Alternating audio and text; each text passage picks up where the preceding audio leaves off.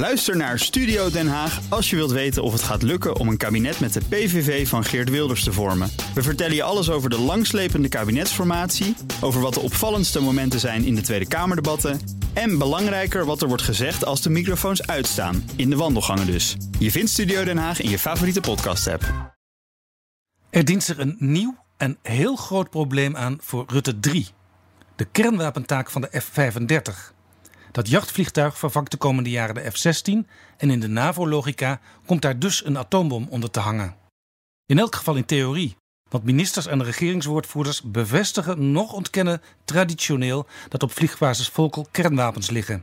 Ik heb ze zelf gezien en mijn hand erop gelegd, doorbrak oud-PVDA-minister Bram Stemerdink in 2013 die zwijgplicht. In de tijd van het hoogopleidende kruisrakettendebat rond 1980 lagen ze er. Ook de oud-premiers Dries van Acht en Ruud Lubbers deden er na hun aftreden niet moeilijk over. In 2002 bevestigde premier Wim Kok op Kamervragen van de SP dat na de F-16 de F-35 die nucleaire taak zou overnemen. Sindsdien zijn in de Tweede Kamer af en toe moties aangenomen die pleiten voor het terugdringen van de rol van nucleaire wapens. In 2013 heeft de Kamer zelfs een brief geschreven aan het Amerikaanse congres om af te zien van modernisering. Maar een echt fundamenteel debat daarover, in verband met de komst van de F-35, vond nooit plaats. Twee weken geleden werd in Texas de eerste F-35 officieel aan Nederland overgedragen. Of ook de eerste nieuwe kernwapens al onderweg zijn, weten we niet. Maar D66 en de ChristenUnie zijn tegen die nieuwe, eigenlijk oude, rol voor het nieuwe jachtvliegtuig. De VVD is voor en het CDA sluit aan bij de NAVO-logica. Er was een taak, dus er blijft een taak.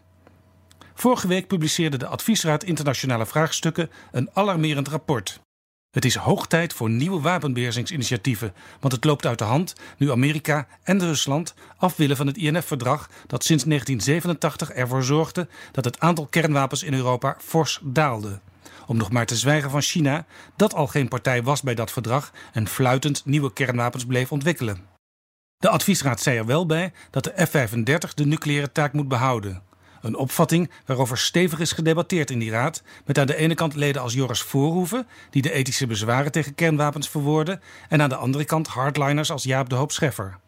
En daarmee zijn we terug bij het dilemma van de jaren 80, toen ik zelf meeliep in demonstraties tegen modernisering.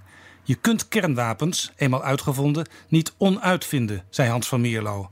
Ze hebben een afschrikwekkende werking, juist omdat je ze nooit wilt gebruiken. Als je kernwapens alleen uit Nederland verwijdert, dring je de rol ervan niet werkelijk terug. Je verplaatst alleen het probleem. Het is een onoplosbaar dilemma.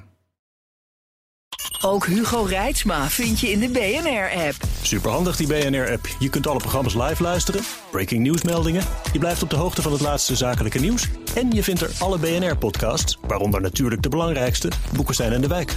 Download nu de gratis BNR-app en blijf scherp.